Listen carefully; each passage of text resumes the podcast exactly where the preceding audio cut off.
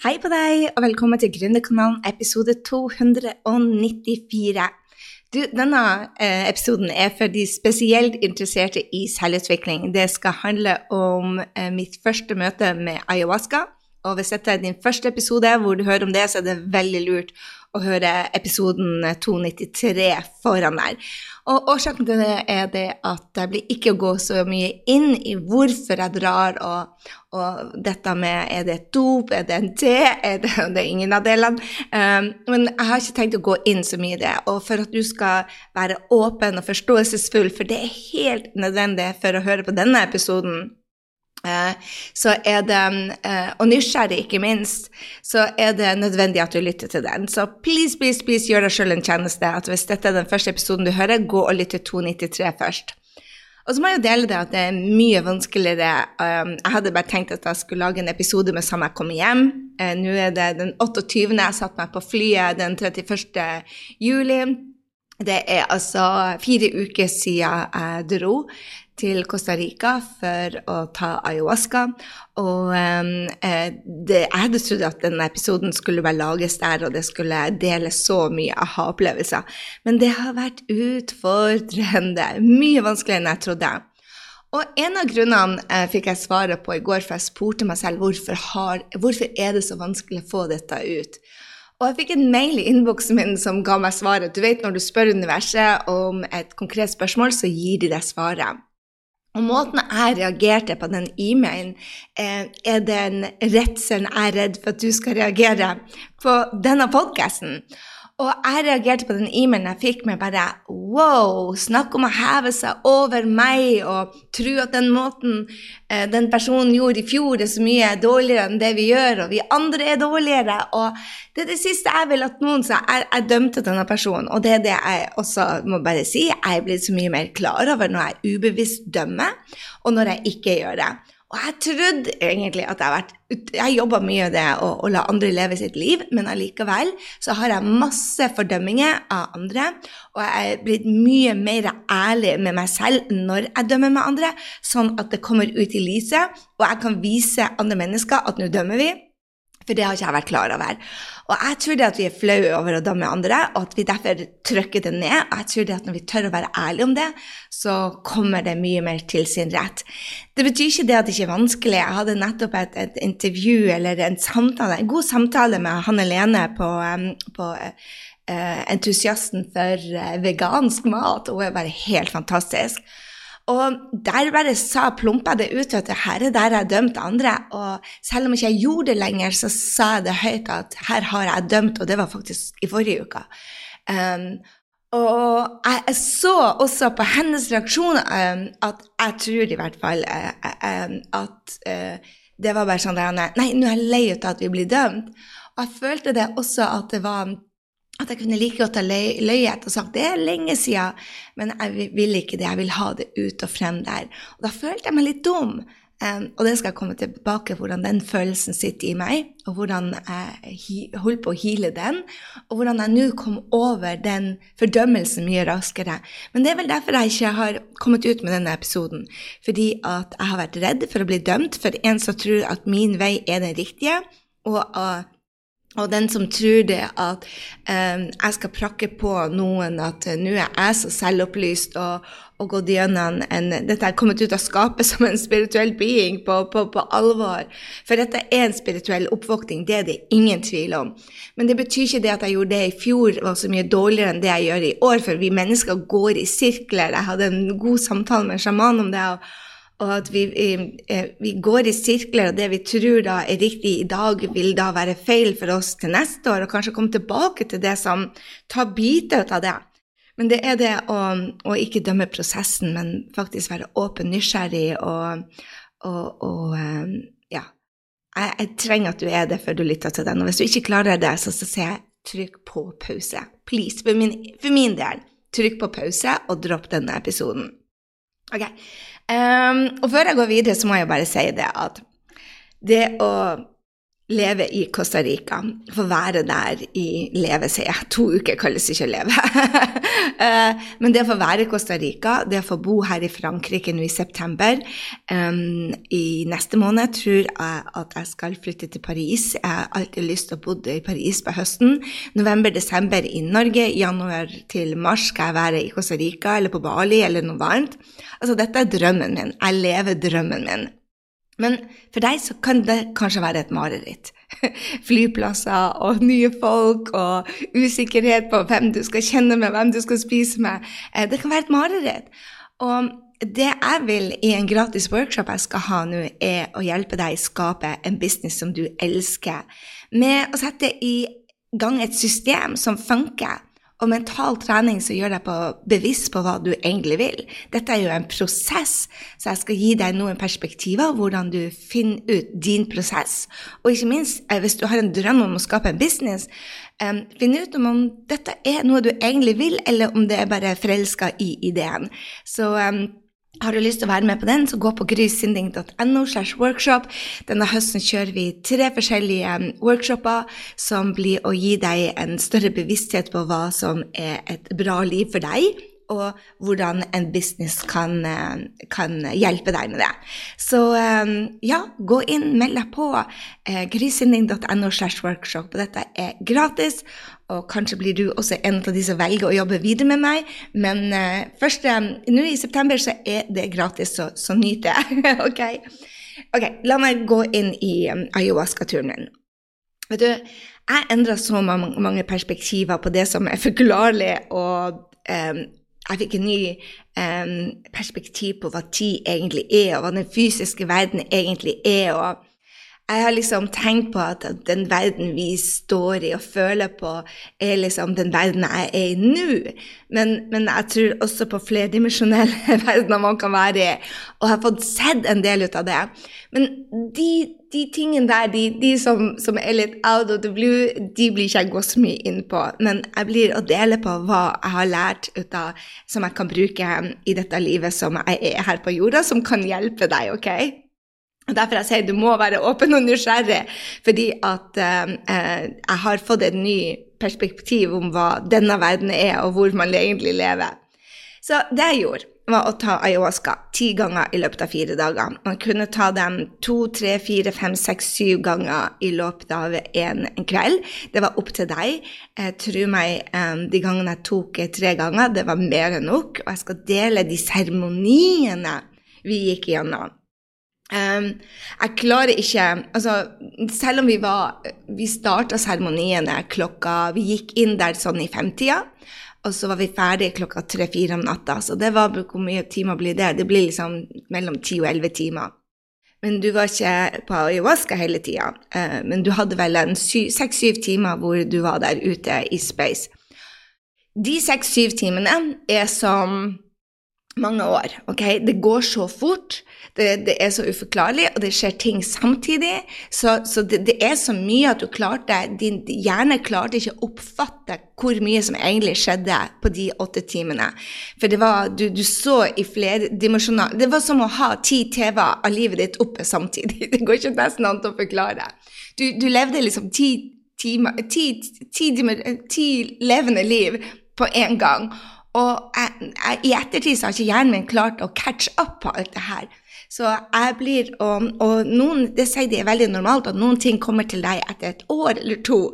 Men jeg skal dele med deg det som har satt mest preg på, på disse um, tre ukene som det har gått. Uh, ok, Aya, man, ayahuasca, mange sier at det er dop, men jeg kan ikke tro at noen vil ta dette som et partydop, i hvert fall.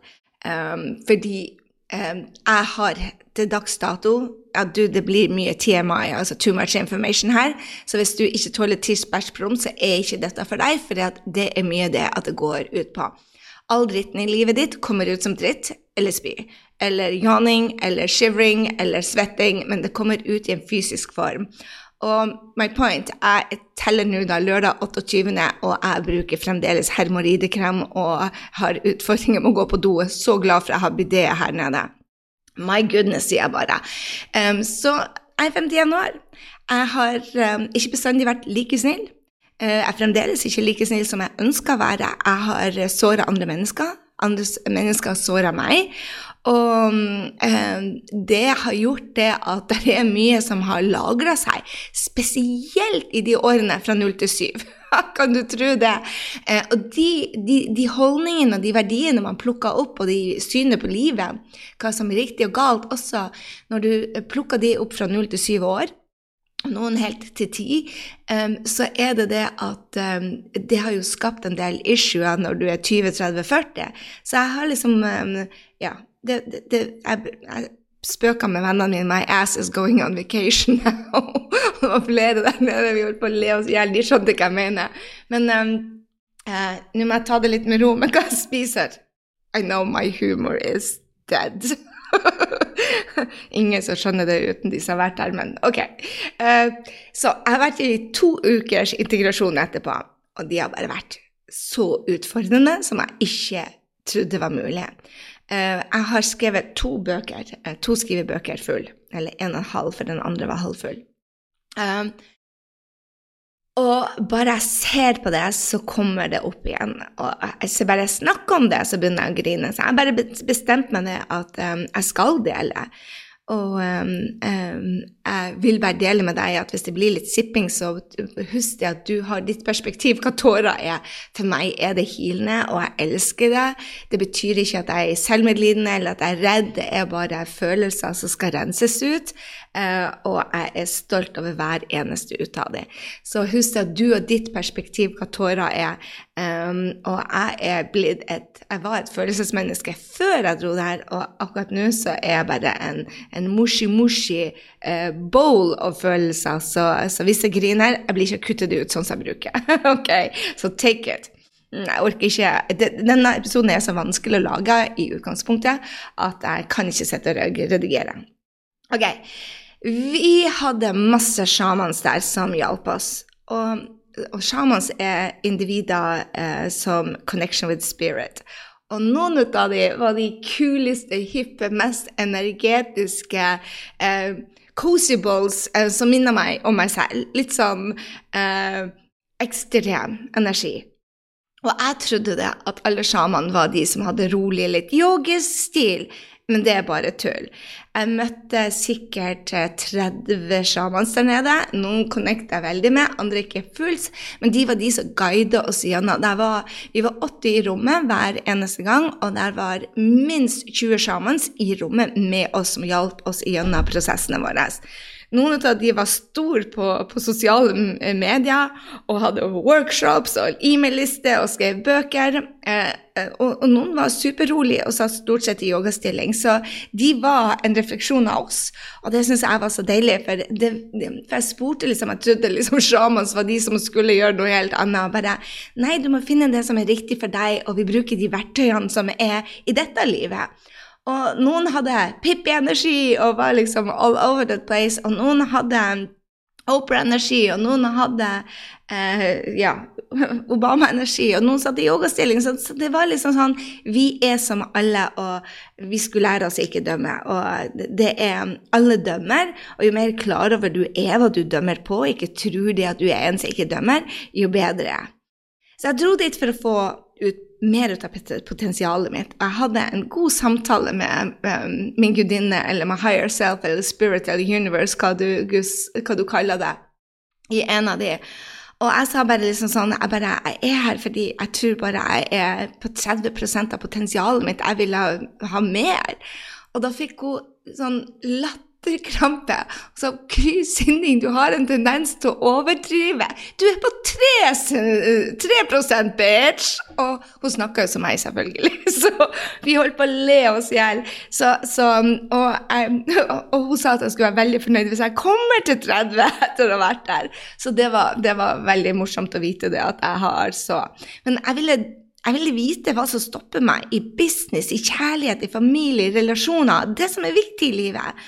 Og da vet du jo det at traumer som du har gått igjen i dette livet og forrige liv, kan hindre deg. Og at det kan være små ting som jeg ikke har skjønt hadde betydning, som har satt seg. Men, men også forstå det at jeg, har fått inn med teskje. Jeg trodde at livet mitt skulle bli så mye annerledes enn jeg dro. Det har det, men dette er ikke en quick fix. Etter jeg er kommet hjem, så hører jeg mer ut av de ubevisste tankene som man har, en, gjennom drømmer og meditasjon. Og dette er superfascinerende, og jeg ser gammel atferd som jeg hatt, som ikke gagna meg, som jeg er blitt visst om at dette faktisk er ødeleggende for meg og de rundt meg, og jeg gjentar de. Og jeg ser så mye ut av det hverdagsdramaet jeg har deltatt, vært en party ubevisst. Um, og jeg skal dele mye mer om hvordan jeg ser på dette som jeg kaller hverdagsdrama. Men, men, det var liksom sånn Jeg ser det. Men det er også å være ok med det at det er ikke, det er ikke løst på, på, en dag. Det er heller ikke løst etter ei uke på rytmia. La meg snakke litt om rytmia. Eh, hvis du er interessert i å gjøre dette noen ganger, så, eh, så er det virkelig en bra plass. Jeg chatta mye med ei som heter Å, eh, oh, guri malla. det står plutselig helt stilt. Hun er en av de største eh, Laura, eh, Laura. Oh, Nei, guri malla. Glem det. Hun er en av de største på spirituell um, har solgt mest bøker når det gjelder spiritualitet i uh, jeg og navnet mitt når jeg er stressa. Du vil ikke tro hvor stressa jeg er. Dette er verre å holde ved en webinar. Det renner. Jeg sitter her i trusa, det renner. Det å dele ut av dette som er mitt indre, det er utfordrende. Så ikke tro det at jeg ikke elsker høyere enn himmelen, så er bare det at jeg Paula heter by the way. Um, det er bare at jeg er sabla nervøs. Og jeg sitter med den følelsen og prøver å øve på å gjøre den til eh, noe positivt. og jeg øver, for å si det sånn. Så Paula delte med meg, hun inviterte meg ned til Brasil for fire år siden. Så delte jeg ok, Paula, nå har jeg vært her i Costa Rica, eh, vi var på samme timezone, og vi chatta. Så sa jeg bare tusen takk for at du introduserte meg til dette, det har vært mind-blowing. Og um, jeg er veldig takknemlig for at det er på Rytmia og ikke i junkeren.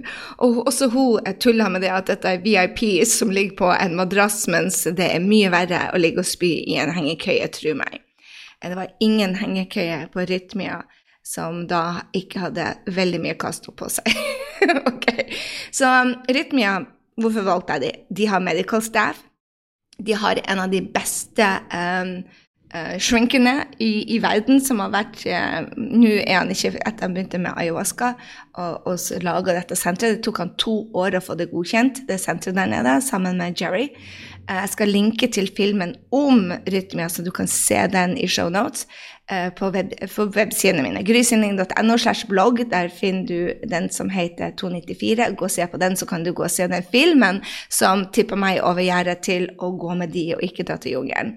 Og årsaken til det er han.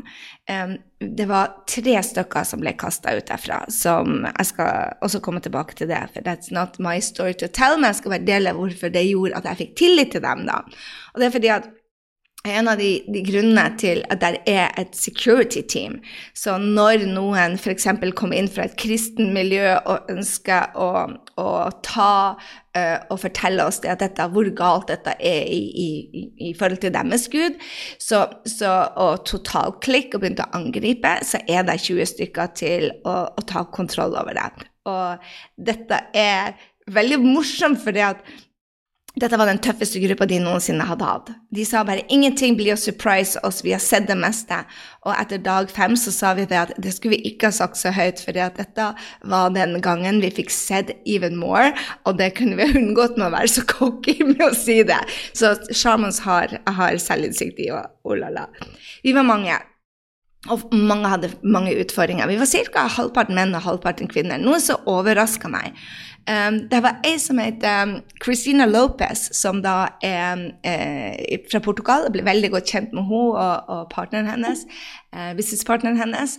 Og um, da jeg kom dit, så sto Kristina og delte ut klemmer. Og jeg trodde det var velkomstkomiteen, men det viste seg det at ca. ti stykker hadde sett på YouTube-channelen hennes som er stor, om at hun skulle dit, og så bare meldte seg på. De visste ikke at det var ayahuasca engang, for hun var gjesteforeleser. Og så hun delte ut klemmer, og jeg kom til å bare sånn How do you do, Have you been to one of my things on YouTube? Jeg bare uh, No, I thought you would welcome committee. Hun var bare på å lese i hjel. Og så sa hun bare at hun var gjesteforeleseren, og så fikk vi oss en god latter, og hun ble litt mer eh, avslappa, og så en god klem, ikke minst, så gjorde det at jeg kunne slappe av litt. Men dette var altså den tøffeste gruppen de noen gang har vært. Og det jeg lærte ut av det, er at når du er der for en gruppe, så er det lederskap å ta ut de som saboterer. Og holy smoke, som jeg fikk erfart det.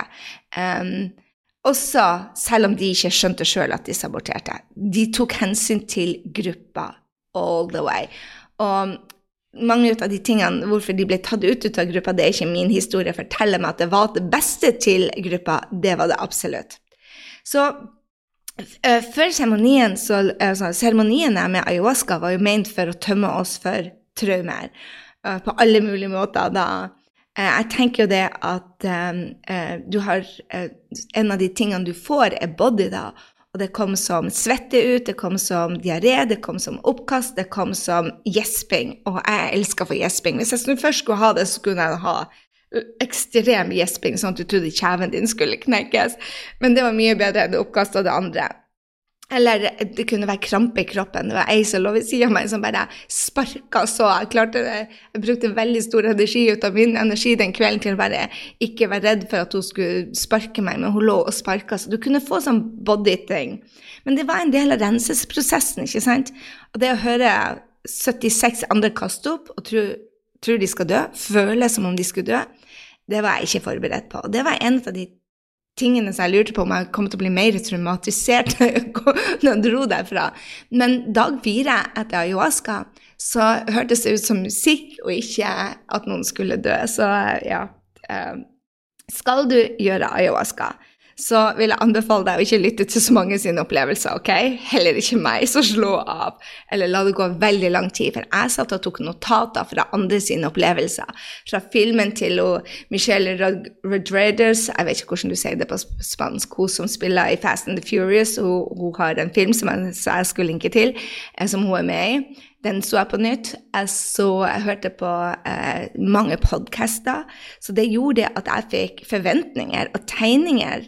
Og de forventningene eh, gjorde at det tok lengre tid for meg. Eh, for jeg hadde forventa at det skulle se ut som én ting, og så så det ut som en helt annen ting. F.eks. hvis du vil ha en naturlig fødsel, og du vil stå i et badekar, og du vil ha mannen din og doulaen din der, og så får du plutselig en C-section, eh, haste, så vidt du dør og får ikke se ungen din etter covid har slutta, på tre måneder. Eh, sånn føltes det. ok, det føltes helt traumatisk. Ok, nå tar jeg litt i, men, men du kjenner meg. Um, det føltes veldig jeg, jeg, jeg, skjønte ikke hva som gikk, og jeg var veldig veldig skuffa fordi at jeg hadde så mange forventninger.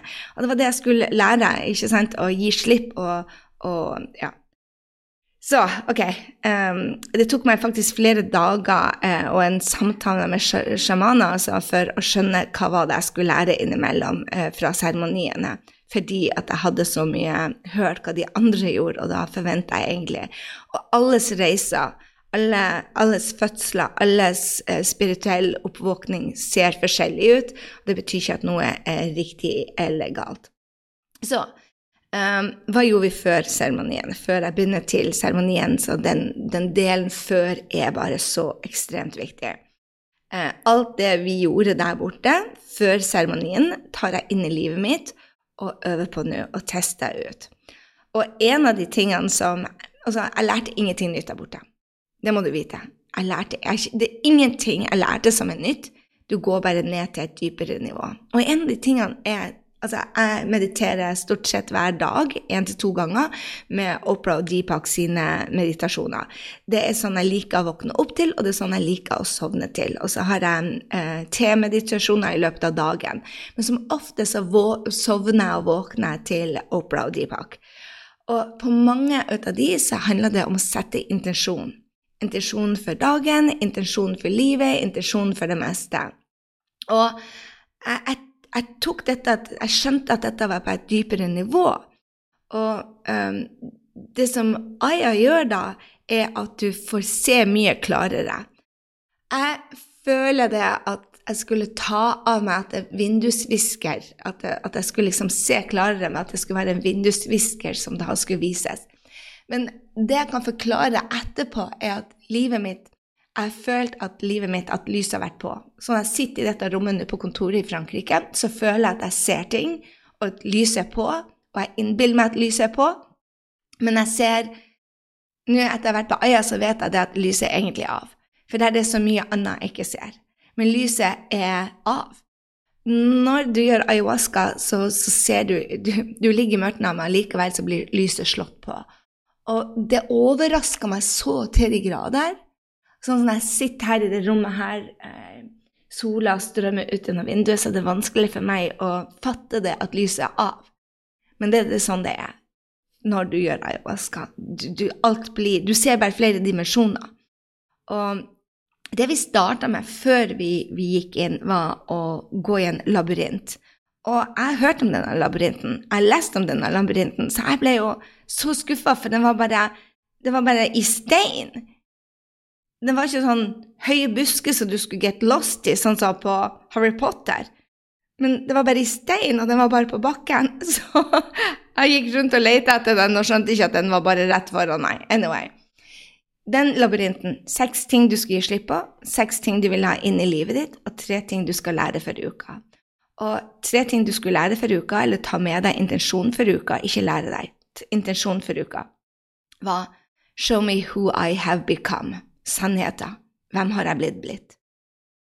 Hva er det dette livet og forrige liv har gjort at jeg har Hva har sjela mi og, og denne kroppen og denne, disse tankene Hvem har jeg blitt? Og så er det nummer to Merge me back to my soul. Ta bort avhengigheter, ta bort det som har stoppa meg. Få kroppen min, dette livet, og sjelen min til å være sammen. Og så den siste, heal my heart, sånn at jeg kan show up i livet. Uh, de tingene hadde vi foran oss hele tida, og det gikk dypere, dypere og dypere. Og det handler om å gi slipp på så utrolig mye. Vi lærte oss fire mantraer, eller dette er vel den mentale treningbiten i det, vil jeg si det, at what's coming is going. Så når du ligger der i smerte, og la oss si det at du er totally La oss si det, jeg har vært i, i car crash, og det kan sammenlignes litt med det, i hvert fall. Um, du har vært i en, en bilulykke, og etter, liksom, rett etter det så er det kaos. Du klarer ikke å tenke selv. Eller da jeg satte fyr på meg selv. Jeg klarte å sette fyr på meg selv. Jeg skulle, eh, når jeg var ung, skulle jeg sette fyr på, jeg skulle sette fyr på noen løv, og så fordampa det så mye at den dampen gikk på klærne mine. Og så når jeg satte fyrstykket til, så eksploderte jeg, og jeg satte fyr. Um, det var very, very, very jeg, det, jeg klarer ikke å forklare det, men du blir litt sånn sånn i, i sjokk, egentlig. Og det er det, når du ligger på den matta og, og, og, har tatt ayahuasca for første gang, så er du litt i sjokk. Og du er i en smerte, og du vet ikke helt hvordan du skal komme deg ut av den. Og da fikk vi beskjed om at 'what's coming is going'. Så den smerten du føler, den er der for at den skal gi slipp og det gjorde det hele så mye enklere. Selv når jeg lå 16 timer i smerte, hadde så vondt som jeg aldri hadde i med hele mitt liv. Så fødselen med Jakob, som varte i 48 timer, var piece of freaking cake i forhold til det her. Jeg hadde en sånn smerte med oppkast og diaré og hodepine og fysisk smerte at jeg holdt på å eksplodere. Jeg trodde virkelig jeg skulle dø hvert eneste sekund, og det varte i timer. Og da var det 'What's coming is going'. Det bare gir slipp, gir. Men jeg var i så tens og bare Hvordan gjør jeg det? Jeg ville ha en oppskrift. Og det er sånn jeg er i livet òg. Jeg vil ha en oppskrift på hvordan man gjør det. Ja, let go. Surrender, sa de hele tida. Surrender, surrender. Og jeg bare How the fuck do I surrender to this? Jeg bare, jeg skjønte ikke det der og da. Så jeg lå i den smerten, men det mantraet ville hjelpe meg. What's coming is going. Og det gjorde jeg. Det andre mantraet, don't think, just drink. For tro meg, når du har vært igjennom fire timer med det du anser som um, en definisjon av helvete, da har du ikke lyst på en drink til. Det her er ikke for meg. Men da sa de bare 'don't think, drink'. Du er her for en grunn, drikk det. Det smakte Jeg trodde det skulle smake veldig stygg te. Da jeg var Jeg husker ikke hvor gammel, spiller ingen rolle. Så dro jeg på en sykkeltur med to jenter. Katrin og Hilde. Og jeg har aldri trent. Jeg har astma, eller trodde jeg hadde astma. Det viste seg aldri var det, men en blokkasje i lungene mine. Men jeg hadde veldig lite Jeg hadde bare 30% kapasitet på lungene mine. Så det gjorde at jeg fikk mye pipelyder som forveksles med astma, da. Og Jeg, hadde ikke lært at på trening så ble man tørst, så de hadde med seg en halvliter vann, men det hadde ikke jeg tatt med meg, for jeg hadde aldri trent. Jeg bare går til, ja, jeg skjønte ikke dette at man har en vannflaske med seg når man skal Så vi skulle sykle fra Andenes til Sortland. Og vi kom til over Risanbrua, da var vi halvveis, og da var jeg tørst og trodde jeg var helt svimmel, dehydrert. Det er du stort sett hele tida på Rytmia. Um, så jeg var veldig tørst. Og da fant jeg en søle, og den søla drakk jeg. Det var mest gjørme, og det smakte så pyton. Ok, 100 meter lenger bort fant vi en bekk, så jeg fikk det ut av munnen, men sånn smakte ayahuasca. Det var gammel sørpe. Enda verre. Så du ville bare kaste opp. Men hvis du gjorde det, så fikk du ikke medisiner i magen, som de kaller det. Og de dansa rundt oss, sjarmen. Det var sånne fine seremonier. Oh la la. Medisiner, medisiner. Proteksjoner, proteksjone. ok. Men um, don't think you're just ring. Og en av de andre mantraene uh, er mind your own business. Mind your own business. Hva andre gjør, Hold deg i hodet ditt. Hold deg i din verden. For når noen sparker ved siden av deg, eller noen totalklikker deg, og det er en slåsskamp rett ved siden av deg, eller 76 andre ligger og spyr, da skulle du ta den mind my own business. I mind my own business. Hva andre gjør, er deres kamp. We all heals. Det var den siste vi hadde. vi alle heales. Um, og denne gangen var liksom um, veldig utfordrende, men det var mye healing som skulle. Det var veteraner der fra, fra krig. Det var, det var, noen som ikke hadde noen utfordringer, men fant ut at de hadde småting å jobbe med, de òg. Vi hadde perfekte liv, men så var det ikke så perfekt, så, så vi alle skulle. Så ja. Hvorfor valgte jeg Rytmia? Det er det jeg egentlig holder på med enda. Jeg valgte de fordi at de hadde et medical team. Det var safe de var de har fem stjerner. Da mener jeg ikke fem stjerner på et luksushotell, jeg mener fem stjerner for Aya. For guri malla, maten var for at vi skulle heales, rommene var designa for at vi skulle heales. Um, men, men, det var fem stjerner fordi at de var helt rå på ayahuasca og en sånn prosess. Um, og når jeg fikk utfordringer, så fikk jeg hjelp. Hadde jeg vært alene i en jungel uten noen som kunne forklare meg hva som skjedde i prosessen på engelsk, sånn at jeg faktisk kunne forstå det, og ikke gjennom en chanting og en sang og en reindans rundt meg. Jeg trengte den logiske forklaringa som hjernen min eh, er blitt opplært i disse 51 årene til å forstå. Det var det jeg trengte, og det fikk jeg. Eh, da ville ikke disse dansene fra, fra sjamanene og spyttinga De spytta på deg all the time. Fra whoosh, whoosh, ja. Kjempemorsomt. Anyway. Så denne gjengen, alle skulle heales der. Alle skulle heale, heale oss, så derfor var det. Så hva kunne vi forvente å oppleve? Dette gikk de gjennom. Hver eneste dag var det program. Det var program fra klokka syv om morgenen, da var det yoga. Fra syv til åtte var det yoga. Eh, fra eh, åtte til ti var det frokost. Klokka ti så gikk vi i møter. Da var det hun Kristina som hadde workshop fra ti til tolv. Eh, og så hadde vi vel lunsj, og så var det hun eh, Så var det Klokka ett var det gjennomgang fra ett til tre var det gjennomgang av kveldens seremoni. Og så var det eh, tarmskylling og spa eh, to timer. Og så var det breathwork eller ayahuasca igjen fra klokken fem til klokken fire om natta. Og eh, så var det kanskje en time søvn, hvis du klarte det etter en sånn natt. Eller så var det rett på yoga igjen klokken syv etter du hadde skrevet i boka di. Og som du skjønner, etter en og en halv bok så var det mye å skrive. Så jeg tror jeg så fem timer de første syv dagene. Det var ikke mye, men det var verdt det. Ok, Så fire ting du kan oppleve med ayahuasca. Eh, men som ikke alle ble, fikk oppleve. Og noen av det vi, vi ble advart på, eller ble for forventningsavklaringer, var journey envy. Når du ligger der og kaster opp og renner på do og kanskje bæsjer deg i buksa Det klarte jeg faktisk å unngå, så jeg er så happy for det. Um, selv om jeg var på do så mange ganger, innimellom begge samtidig så var det noen som hadde f.eks. ingenting. De hadde en journey hvor de bare sov. Og jeg skjønner og begriper ikke hvordan det er mulig å ta ayahuasca og sove seg gjennom åtte timer og våkne når det er over, og så føle deg heala. Eh, men det var det noen som gjorde, og de misunte jeg, for jeg var utslitt. Jeg var så kjørt, dehydrert, for du får ingen vann fra du tar ayahuasca til vi er eh, time før vi går derfra. Jeg tror det er en halvtime. Når vi tar evalueringa etterpå, eller den samtalen etterpå, så varer én til to timer. Da kan du begynne å sippe litt vann. Men når du har kasta opp og hatt diaré så lenge, eh, åtte timer, så er du rimelig dehydrert. Og når noen der våkner opp og strekker armene bare Åh, What happened? og det har liksom vært De kunne ikke skjønne at de hadde sovet seg gjennom alt det kaoset. Det var det. Da hadde jeg journey envy. Ok, Men de andre var Du kunne ha konsult. Noen snakka med månen, noen snakka med trær. Jeg snakka med en dame eh, som for øvrig var veldig veldig vakker.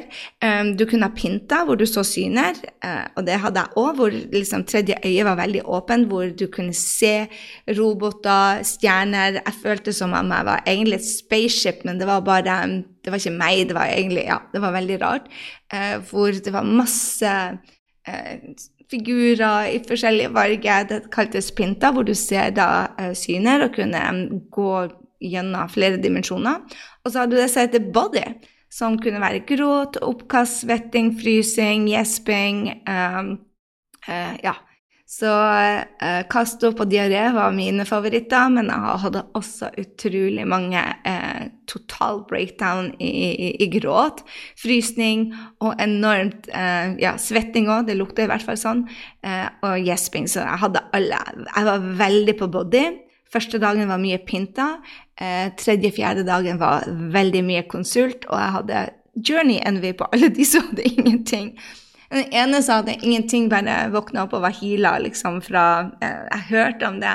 Eh, ei som våkna opp og så kunne plutselig høre på et øre hun aldri hadde hørt på. Eh, og noen som kunne se bedre, og ja, det var veldig sånn.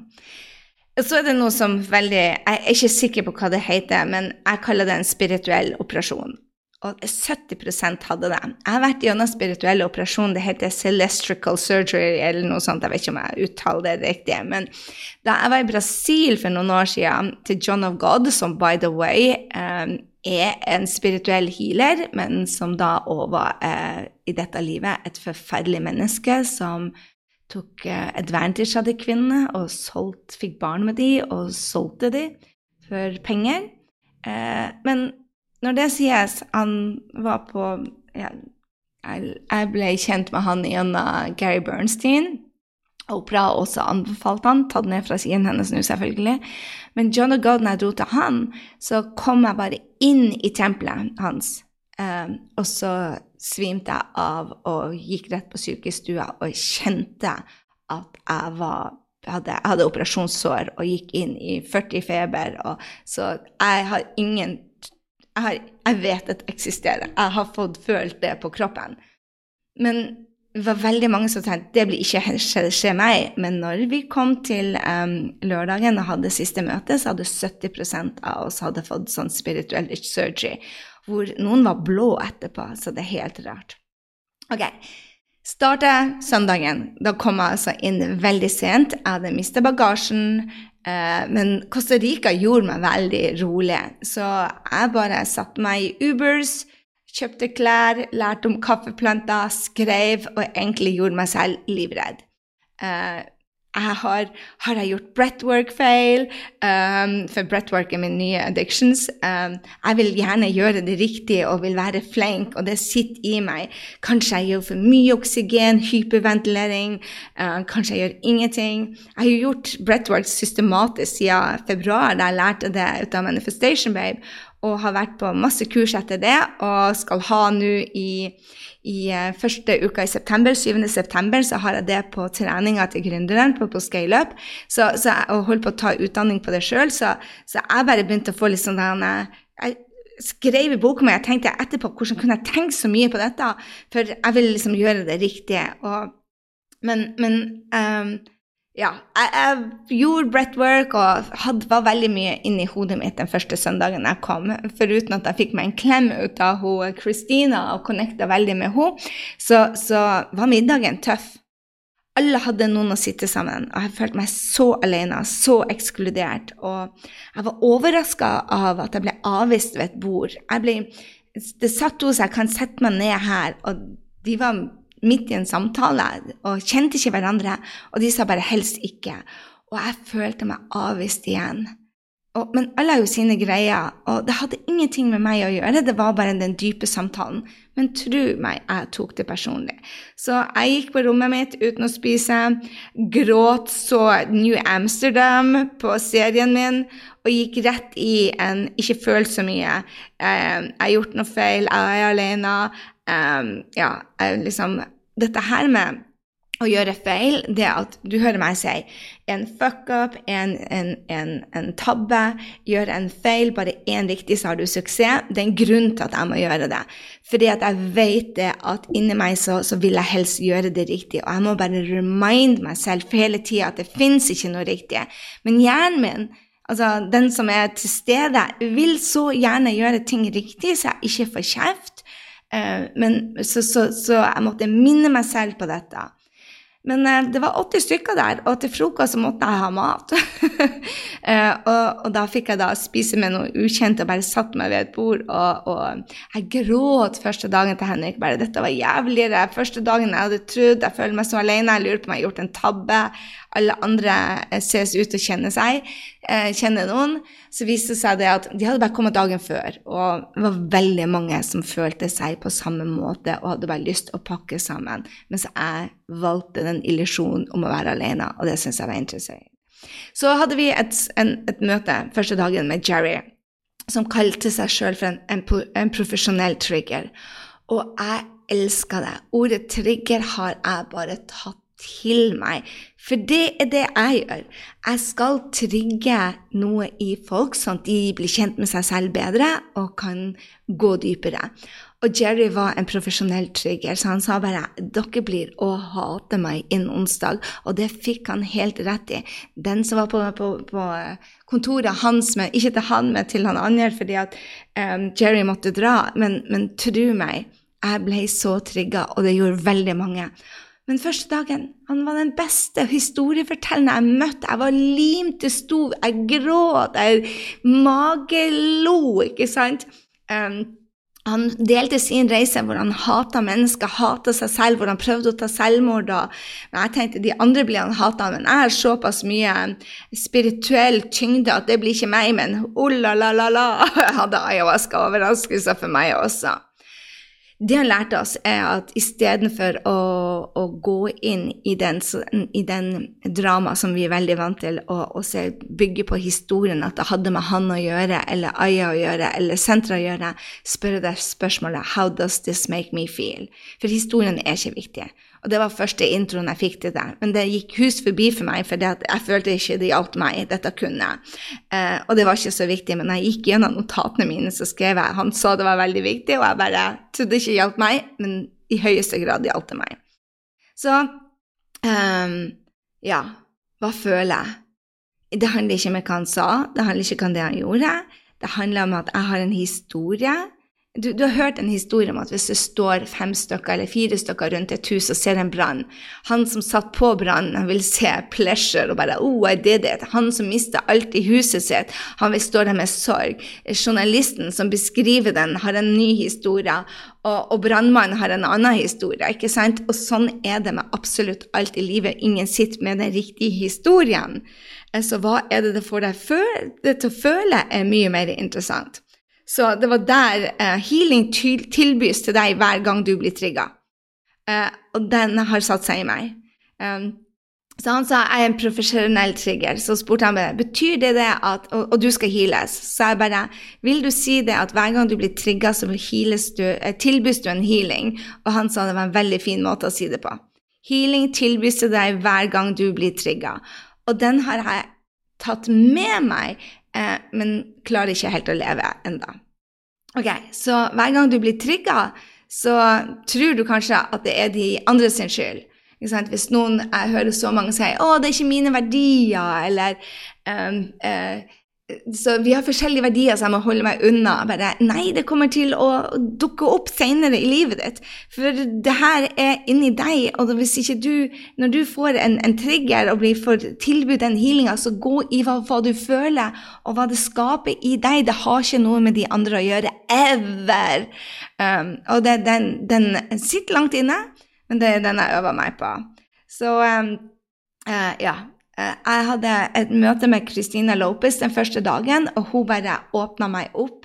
Hun så rett inn i sjelen min, og så sa hun noe som eh, gjorde livet mitt oh, så mye bedre.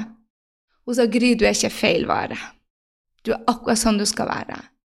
Jeg bare Jeg var så inne og bare Tårene bare flomma over. Du er ikke feil vare. Og jeg skjønte ikke at stemmen inni meg sa det at jeg var feil vare. Og under en av ayahuasca-episodene så kom det til hvor jeg hadde fått den troa at jeg var en feilvare. At jeg var damage good. Og det var fordi at vi har en morsom historie familien vår som jeg har gjenfortalt og ledd ut av og syntes det var morsomt.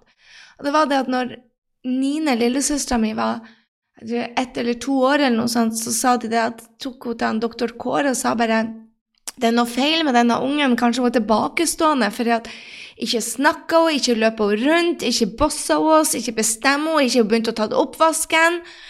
Ikke går hun engang, ikke sant? Bare, hun bare sitter der og smiler mens jeg for der som en ADHD rundt, og så sa han bare det er ingenting feil med Nine. Hun der tøtta derimot.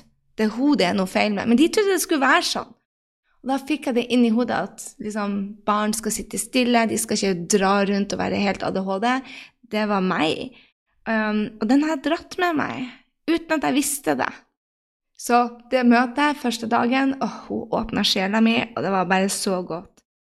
Så eh, en av de tingene som jeg tok med fra første seremoni, som var på mandagen Da møtes vi i noe som heter Maluka. Da setter vi intensjon, og jeg var så nervøs. Jeg var redd, jeg var i tvil, jeg hadde mest lyst til å sette meg ned. Jeg var redd for å drukne igjen, jeg var redd for å bli slått igjen, jeg var redd for å bli avvist igjen, jeg var redd for å bli misbrukt igjen, jeg var redd for å gå i barndommen, jeg hadde ikke lyst til å huske mer. Jeg var redd for å vise svakhet, for å bli dømt, for å miste ringene mine på klokka mi. for det gir meg en, en, en kontroll. Um, og jeg, jeg, var redd, rett og slett, men jeg har også en litt sånn forventning i meg. Redd for Nei, forventning om å å gi slipp på den illusjonen med å være så alene og føle meg hel. Og jeg gleder meg til å spise rent, og jeg gleder meg til å få mer kontakt med min feminine energi og tørre å gi slipp. Um, jeg hadde jo hodepine før jeg gikk inn der, og det er sånn kroppen min reagerer når jeg F.eks. de siste åra jeg bodde i Norge, hadde jeg hodepine. Jeg hadde hodepine i åtte år, og jeg fikk svaret på hvorfor. Ubevisst.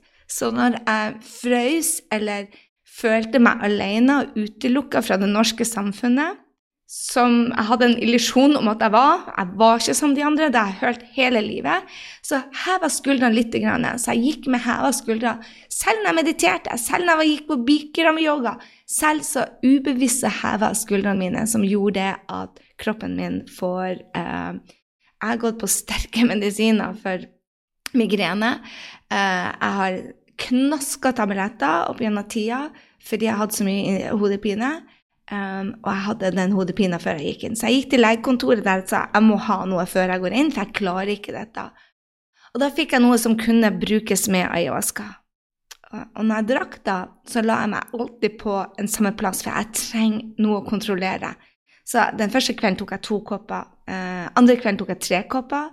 Og hele tida så spurte vi, tok vi intensjon. Takk, kjære, for du viser meg hvem jeg har blitt. Første shot Oh la la, det var nesten gøy. På en av de television screensene så hadde det nest, nesten gøy. Uh, det var pynta, det var farge, det var roboter, jeg var i verdensrommet. Jeg snakka med stjerner, jeg kunne ta på dem, alt var så virkelig. Jeg som ikke engang liker sci-fi-filmer, og jeg har ikke sett en sci-fi-film. Jeg var i verdensrommet. Og det var så nydelig. Jeg så ned på jorda, jeg sveva. Altså, jeg tror jeg har sett den robotfilmen. Jeg, jeg kan, det var forskjellige roboter. De var like forskjellige som vi mennesker. Og det var så mye kjærlighet. Og det var så altså, ja. Det var en sort kvinne med så utstråla kjærlighet. Um, uh, ja, jeg fikk se episoder fra livet mitt. og Stemmene i hodet mitt ble skrudd opp. De som, altså 5% av hjernen er du bevisst, og 95% er du ubevisst. Og i min 5 %-hjerne så har jeg et ekstremt nøye forhold til Jeg har utrolig lite selvsnakk. Jeg har så lite selvsnakk, for dette har jeg jobba med. Men det er tross alt 5% av hjernen min som jeg kan kontrollere. Jeg jobba som mental trener nå nesten 19 år. Jeg starta da Helene var ett år på coaching og um, fikk interessen for dette. Um, kjøpte min første bok om mentaltrening og begynte å vurdere å gå. Vi var i Australia da, og Henrik leste da en avis og sa bare her er det du snakker om hele tida. Så dette interesserer deg. Jeg, bare, jeg interesserer meg ikke for aviser, Henrik. Jeg, bare, jeg sier dette interesserer deg. Og det var da det sto en, en, en How to Coach Yourself, heter den boka. Jeg ble hekta. Etter det har det vært bibelen min og tok coachingutdannelse, kommunikasjonskurs og har vært innen psykologer.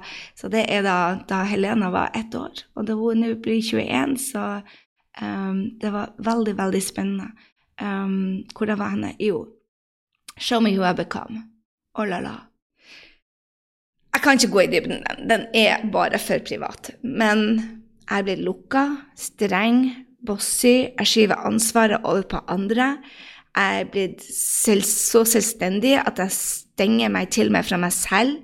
Jeg er redd for sannheter og hva det får meg til å føle. Jeg er et følelsesmenneske, likevel så har ikke jeg vært i nærheten av å føle. Jeg har hatt mye sinne i meg. Jeg dømmer andre mye mer enn jeg trodde det var mulig. 95% av meg hadde party. Og det er en del av meg. For vet du hva? når jeg sover, det er åtte timer, så er det den som kontrollerer meg, eller som, som bestemmer. Og de som jeg da kunne tilbudt meg healing, um, som har trigga meg på positivt og negativt, de har jeg skjøvet fra meg. Så jeg har beskytta meg, trodde jeg, men ikke. Og det ble vist til meg i den første shoten i tillegg til alpinta og verdensrommet, så var det en del av meg som fikk Altså, lyden på den indre stemmen, 95 ble skudd opp. Og der var så mye støy. Eh, da kom det jeg, jeg, jeg, klarte ikke å høre på alt jeg egentlig sa til meg selv. Jeg bare krølla meg sammen, og hodepina fikk ta over. Men det var en episode som fikk meg til å åpne hjertet mitt. Så jeg fikk se meg selv, hvem jeg har blitt. Og du spør liksom Vis meg hvem du er blitt, men du har ikke lyst til å vise hvem du er blitt. jeg tror jeg er verdens snilleste og greieste, og det er jeg òg. Men det er en del ting hvor jeg ikke er aligned med sjela mi, og det måtte jeg se i øynene. Hold og la, det var vondt. Um, traumene mine kom på rekke og rad. Og det var ett traume som fikk meg til å se, som har skapt meg, som jeg òg jeg visste om. Jeg fortalte historien om det, men jeg forsto ikke hvordan det har prega mitt ubevisste sinn. Ok, Jeg fikk se meg selv føde Jakob. 48 timer. Jeg fikk se saksa som de skulle begynne å klippe meg opp. De laga sånne lyder, sakselyder. Tanga som smalt. De slo de der stålgreiene mot hverandre um, før at jeg skulle finne krefter. Og det gjorde jeg. Så jeg fikk han ut uten å bli klippet, og uten eh, Jeg hadde sett bilder av hvordan hodene til ungene som tang ble brukt, for det var langt for seint til å ta en C-section. Så de sto der, og virkelig, de var sykepleiere som sto der og laga sakselyder og tanglyder, og um, det var sikkert lurt der og da, men det satte et traume i meg. Um, så fikk jeg han på brystet mitt, den lille babyen min. Oh la la. Holy smoke! Hjertet mitt eksploderte, kjære venn, i så mye intens kjærlighet som jeg aldri har følt før. Det gikk i bølgedager over meg. Altså, besteforeldrene mine, don't get me started, de har sine traumer. Bestefaren min mistet en fot, så jeg tror ikke han var i stand til å elske etter det, hvordan livet behandla han. Um, og guri malla, det er ikke min historie å fortelle, men det var mye traumer. Foreldrene mine var De mistet ja, det, det, var bare en tøff tid for dem, og de var utrolig unge. De var 18-19 når de fikk meg. Åh, jeg hadde ikke følt på kjærlighet før Jakob. Jeg eksploderte aldri følt noe sånt verken før eller siden. Og jeg fikk vi se filmen, hvor lenge det varte. For Henrik dro på fest, det var sånn man gjorde i gamle dager, by the way, for dere som er yngre enn meg. Jakob er jo 25 år nå. Uh, I gamle dager så dro man hjem og røykte sigar og drakk seg driting, så jeg ville jo selvfølgelig hjem. Før i gamle dager skulle du også ligge på sykehus noen dager, men det ville ikke jeg. Jeg ville hjem, hjem, hjem. Så jeg ville hjem dagen etter hans fest, og da var han for fyllesyk til å rydde opp. Det var òg helt vanlig, visstnok, i den tida. Um, så Men det var ikke det som var poenget. Det var òg en historie jeg fortalte meg sjøl. men det jeg skulle fram til, var det at mens Henrik hadde den festen, så skjedde det noe som gjorde at jeg aldri elska igjen på den måten. Um, under fødselen så svelgte han veldig mye fostervann, og det kom opp etter et døgn. Jeg hadde ikke klart å komme i gang med amminga uh, skikkelig, men han kasta opp da, og da svelgte han det og kveltes. Så når han lå ved siden av meg i en sånn glassgreie, så plutselig hele hans lille kropp blå. Han så død ut. Og jeg hyler, hopper ut av senga, drar den babyen med meg, tar han under armene mine og la tydeligvis trykk på magen hans som det kom opp. Så, og det sa legene hadde redda han. Etter det så lå han i kuvøse og fikk hjelp og observert et døgn før vi da dro. Men da den smerten der, å nesten se babyen sin dø bli fratatt den kjærligheten Jeg lukka meg der og da. Og det også, gjorde også at jeg gikk inn i en fødselsdepresjon, så jeg vil ikke ha noe med den type kjærlighet å gjøre. Jeg ble redd. Og det Aya visste meg da, ayahuascaen eller mitt, min beste versjon, universet Hun viste meg hvor jeg har sperra ute kjærlighet fra den dagen, i redsel. Og så sa hun bare Gry, du skal dø. Og så skal du bli gjenskapt. Sjela di skal over til en ny kropp, kanskje. Jakob skal dø. Han døde ikke den dagen, men han skal dø. Alle skal dø. Det vet du jo. Og du må tørre å elske mer. Og oh la la, sier jeg bare. Etter det så følte jeg mer kjærlighet i de fire dagene fra fremmede mennesker enn jeg har klart å ta inn over meg. Også for dårlig samvittighet for det jeg har holdt igjen til venninner jeg trodde jeg elska. Ingen bruker ordet 'elsker' så mye som meg daglig. Sier til ungene at jeg elsker dem hver eneste dag. Hvis jeg kan si det om en pizza, så kan jeg vel si det om barna mine, har vært mitt motto. Min leveregel. Men så viste det seg at det var ikke det som var å elske, for det å elske, det gjør så vondt hvis det blir borte, men det er en del av livet. Så jeg bare Å la la, den energien jeg har gitt til folk, har ikke vært ekte kjærlighet. Jeg fikk en aha-opplevelse etter det, for jeg fikk vist hvem jeg var, og jeg fikk sett, fikk aligna my soul den kvelden uten at jeg var klar over det.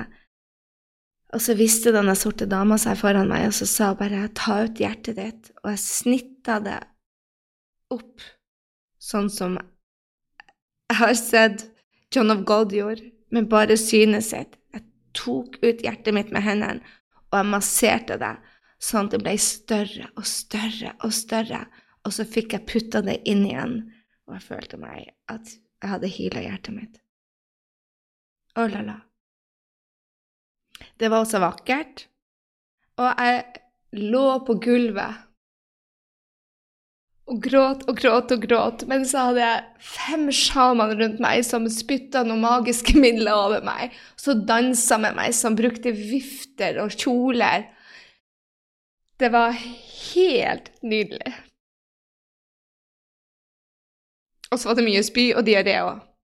Så Jeg følte, og dette er bare én av de 20 historiene som jeg hadde i løpet av de åtte timene, jeg følte jeg gikk gjennom 100 timer. Så når de sa det at du skulle gå gjennom um, ti års uh, utvikling på én kveld, de løy ikke.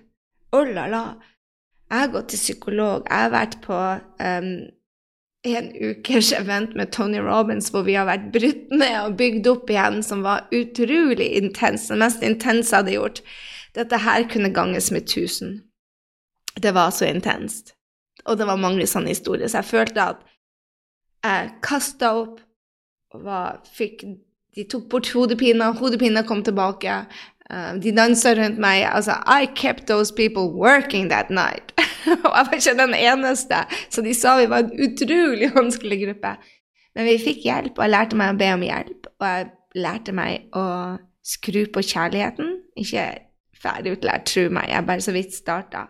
Men eh, jeg kasta opp utrolig lett. Jeg kasta opp faktisk en hel bøtte, den, den, eller en, en, halv bøtte, mener jeg, den var vel åtte liter, så jeg kasta opp fire liter. Eh, og hadde diaré. Utslitt etterpå. Men det var også den beste følelsen. Eh, jeg kasta opp redsler for å ikke være god nok, jeg kasta opp redsler for å ikke være elska, jeg kasta opp eh, redsler som ja, jeg følte jeg dro til helvete og kom tilbake. De sa ti år med terapi, oh la la, det var sant. Så hvem har jeg blitt? Jeg var ikke stolt over det. Jeg gråt og gråt og gråt. Det overraska meg veldig. Um, det overraska meg også veldig hvor fort um, sinnet kom tilbake. Jeg ble lurt ut av en mann, jeg betalte for noen bilder, jeg holdt på å miste flyet for han lurte meg. Og da kom sinnet tilbake, bare og da kom ayahuascaen tilbake i drømmen min og sa bare OK, nå går du på autopiloten, stopp opp, tilgi, for du vet ikke om den mannen har han lurte deg, og du ble sint, og du skal ta ham. Og du skal legge ut en sinna greie. og bare, Jeg blir fremdeles å advare folk om, mot ham. Men det handler egentlig ikke om han. La oss si det at historien hans er at sønnen hans ligger på sykehus. Han har en to måneders gammel sønn. La oss si at sønnen hans ligger på sykehus. Han trenger pengene. Han sitter der med penger nok til å redde sønnen sin, men det er egentlig en fotograf sin penger. Jeg hadde tatt de pengene og løpt og redda barnet mitt. Jeg kjenner ikke hans historie. Det kan hende at han er bare en crooked som skal ha de til å kjøpe seg. Who the heck? Hva vet jeg? Men det spiller ingen rolle. Hvordan vil jeg reagere? Å reagere med sinne skader én person, og det her har du hørt før. Det har jeg ført, hørt før, men så er det hvordan reagerer man der og da. Og da tenkte jeg bare jeg skal ikke legge noe historie på han, hvor fælt det her var. Jeg skal bare ta konsekvensen men ikke føle så mye sinne. Jeg skal føle på uh, tilgivelse. Og ja jeg, jeg tenkte det at uh, Det handler om meg. Uansett hva som blir gjort mot meg, så skjer det for meg. Det er ingen som kan tråkke på meg eller lure meg. Um, det er jeg som bestemmer hva jeg skal gjøre med de omstendighetene rundt meg følte jeg meg lurt, sinna, aggressiv. Jeg følte jeg hadde rett, og han hadde feil. Men det der er jeg ferdig med. Jeg må bare øve. Jeg må lære meg noe nytt. Hvem vil jeg være nå? Jeg kjenner ikke historien hans. Så, og det var en av de tingene jeg tar med meg fra første uh, møte med ayahuasca, at uh, alle har sine historier. Du tror din er rett. Den er rett for deg, men du har også brannmann, du har også han som eide huset, han som tente på huset, du har også journalisten. Alle tror de har rett. Det er ingen som har rett, du har bare et perspektiv. Og det var det jeg prøvde å gi deg i dag. Et nytt perspektiv. For det er derfor jeg deler dette, at du skal få nye perspektiv til å se deg, til å lære noe nytt, til å se bare OK, hvor er det jeg gjør dette i mitt liv? For jeg ikke, vil ikke at du skal tro det at jeg sitter med sannheter, for det gjør jeg ikke. Min ayahuasca-tur er ikke sannhetene, men det er et perspektiv. Og det jeg ønsker med å dele dette, for um, Henrik lytta til min coaching med uh, Katarina og med Tone, og jeg spurte kan jeg legge dette ut, og han bare Nops, det kan du ikke. Dette er for personlig, og du nevner oss, så det går ikke. Nå gjør jeg min ayahuasca-tur, og det, det, skjønner jeg. Altså, når jeg tar inn andre, så er det noe annerledes. Jeg kan ikke dele det.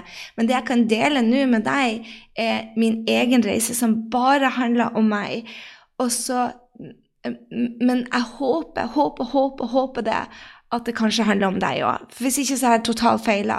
For det, jeg vil ikke at du skal bli bedre kjent med meg. Jeg vil du skal bli bedre kjent med deg.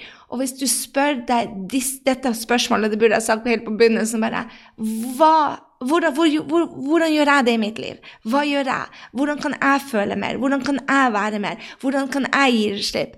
For jeg er absolutt ikke for at alle skal dra og gjøre Aya. Det sa jeg i forrige episode. Aya er ikke for alle, og det tror jeg enda, enda, enda, enda mer på eh, etter denne jeg har vært der. Jeg tror du kan få det gjennom hypnose, jeg tror du kan få det gjennom uh, breathwork, som jeg er stor fan av, meditasjon.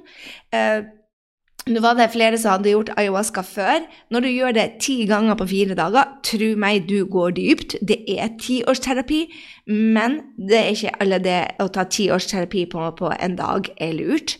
Eller få 40-årsterapi på fire dager.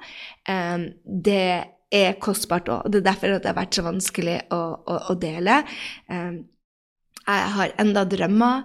Jeg går i de samme, eh, eh samme eh, Ikke fellene, jeg går i de samme baner som jeg har gått, men jeg, jeg får drømmer nå som viser meg hva jeg gjør hver dag, som er gamle ritualer og gamle trender og gammelt som egentlig skal bort. Så jeg har en samtale med meg selv om hvem jeg vil være, hver eneste natt. Jeg kjøpte en sånn pakke ut av de, selvfølgelig, hvordan du sprøyer litt ayahuasca inn for å få mer vivid dreams. Jeg må innrømme de tre siste dagene jeg har ikke tort å ta den med. Jeg bare I need a fucking break from this. Um, sånn at jeg kan dele. Og jeg deler ikke for at du skal høre hvor spennende jeg er, eller hvilket liv jeg lever. Um, jeg deler for at du skal bli inspirert til å se bare Ha, kanskje kan jeg elske mer. Kanskje kan jeg dømme mer? Kanskje kan jeg ta mer ansvar? Kanskje jeg kan gi slipp på litt hverdagsdrama hvor jeg tror at min historie er så forbarska viktig, og alle de andre tar feil? Og heller spørre meg spørsmålet hva er det jeg føler, hva gjør det med meg? For det handler faktisk ikke om de rundt deg, uansett hva de gjør. Det er my religion, og du trenger ikke å ta det. Men hva hvis du sa bare OK? Hvis livet, mitt liv handler om meg, og de rundt meg tilbyr meg bare en healing, hvordan vil jeg leve livet da? My goodness, for meg Jeg deler det fordi jeg skulle ønske noen hadde delt dette med meg, for jeg tror jeg kunne gått litt dypere hver eneste dag. Ok? Det ble en lang episode. Jeg vil gjerne høre fra deg. Ikke vær en av de som sitter på gjerdet og bare lytter. Det koster å dele alle de content, de folkene som gir der ute, en Facebook-post, en blogg. Det koster dem en jobb. Så hvis du er her, så si takk uh, for perspektivet. Hvis du ble provosert, si takk for den provokasjonen. Men gjør noe. Vær en av de som lærer deg å ta en action. Legg igjen en rating på podkasten, kanskje. Eller send meg en DM hva du tar med meg. Eller hvis du tror dette kan hjelpe noen andre, del dette på storiesene. Men kommer du tilbake til Gründerkanalen igjen og igjen og igjen, så si hei. Jeg vet ikke om du har hørt historien om hvorfor Opera la ned bokklubben sin. Fordi ingen delte med henne hvor bra de egentlig syntes den var. De tok hennes ting, og så bare Opera, hun trenger meg ikke å takke, hun forstår jo sjøl hvor fantastisk hun er men det gjør hun ikke. Så hver eneste gang du er på sosiale medier, og du deler en tekst, eller noen har delt en tekst som gjør inntrykk, takk dem for dem. Gi et hjerte. Ikke bare til Gry, spesielt til deg selv. Gjør det hver eneste dag til deg selv. Men når du først er der ute og konsumerer det, vær den som gir et spor av takknemlighet igjen. Det var noe av dagens skrifter fra meg. Jeg skal dele neste episode òg, hvor jeg skal gå gjennom de neste seremoniene. Hva jeg tar med meg av læringer fra dem, hvilken stories jeg fikk, hvilken læring jeg tok. Og den siste eh, blir jeg å dele med deg ok, hva er det jeg har um, De ti tingene jeg har lært, oppsummert. Så um, ja, ayahuasca er ikke for alle, thank goodness. Um, jeg anbefaler arytmia til, til dere som uh, har lyst til å prøve det. Er det jævlig? Absolutely. Uh, er det også healende? Absolutely. All the above. Men, eh, men, det er ikke for alle, så eh, du kan komme dit på andre måter. Så eh, vær klar over det. Men eh, jeg anbefaler rytmer på det varmeste hvis du har følt at du er klar for å gjøre dette. Jeg sier alltid 'hopp før du er klar', og jeg hoppa før jeg var klar her nå. Jeg holdt på å gi opp etter første dagen. Jeg ringte Henrik og sa dette klarer jeg faktisk ikke. Dag to måtte jeg ha hjelp um, til å i det hele tatt komme meg på neste. Jeg var sikker på at jeg skulle dø. Uh, jeg skal dele mer om hvordan jeg kom meg over, og hvordan det kom til å hjelpe meg. Dag tre hadde jeg den mest healingen jeg kan tenke meg. Um, og så mange uh, Da hadde jeg samtaler med Gud, så det gleder jeg meg til å dele. Og torsdagen var operasjonsdagen av kroppen min. Det var det weirdest, weirdest, weirdest shit I have ever been on. Så uh, hvis du er interessert i dette, så kommer det mer, for å si det sånn. Neste episode skal jeg gå gjennom dag to, tre og fire. Og så siste episode med det her, så blir det å dele hva jeg tar med meg, og hvordan jeg blir å endre livet mitt, forhåpentligvis, etter det her. For når du kan bedre, så vet bedre, så må du gjøre bedre. Med det Please, ta del med meg. Hva er det du tar med deg av denne episoden? Eh, blir du å lytte til episode to, eller tenker du dette her var mer tiss, bæsj, promp og personlige inntrykk enn jeg har bruk for? Jeg vil gjerne høre. Spesielt siden jeg skal lage tre episoder over det her. Og som du hører, det koster. Snørr, tårer, latter. It's all there. It's all good. En annerledes episode av Gründerkanalen. I know, I know, I know. Men jeg hadde lyst til å dele med deg at dette ser jeg på som et businessverktøy. Hvordan jeg kan komme i dypere connection med mine drømmekunder. Å, Gry Holsnavla. Men før jeg slipper deg, husk å melde deg på workshopen. grisending.no slash workshop. Bli med. Du blir å få vite hvordan du kan skape det livet du elsker, på dine premisser. Og krok. Mus, mus.